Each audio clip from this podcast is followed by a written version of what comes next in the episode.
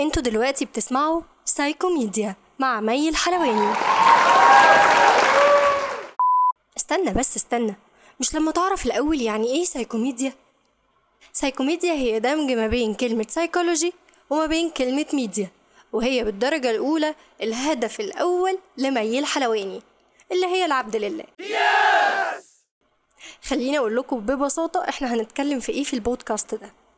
بودكاست سايكوميديا مش الهدف منه العلاج النفسي ولكن الهدف منه إن إحنا نعرف يعني إيه اضطرابات نفسية ونعرف إذا كنا بنعاني منها ولا لأ ونعرف إزاي نتعامل معاها أو نعالج ده إزاي بإن إحنا نتوجه لاستشاري نفسي. أنا مش دكتور نفسي أنا مش استشاري نفسي أنا مش therapist أنا مش أي حاجة من الكلام ده كله. للمرة المليون أنا مش كوافير. أخصائية تنمية أخصائية تنمية من القوة العاملة أنا خريجة إعلام. آه، هدفي الأول زي ما قلت لكم كان سايكوميديا خليني أحكي لكم القصة. من إعدادي بالظبط بدأت أحب مجال التنمية البشرية جدا. وطبعا زي أي حد فينا بدأ يحب مجال التنمية البشرية كان اللي بيحطه على ال track أو اللي بيحطه على الطريق كان دكتور إبراهيم الفقي.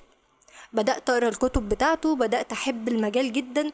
بدأت أقرأ بقى لناس تانية وأعرف لناس تانية وأسمع كتير جدا. زي ما قلت لكم الهدف من البودكاست ده مش إن إحنا نتعالج الهدف منه إن إحنا نعرف آه، نهندل نفسنا. الهاد بتاع البودكاست بتاعنا إن إحنا نهندل نفسنا. زي اضطرابات كتير قوي هنتكلم عنها في البودكاست. هنعرف يعني إيه اضطراب نفسي؟ هنعرف يعني إيه آه، مشاكل نفسية؟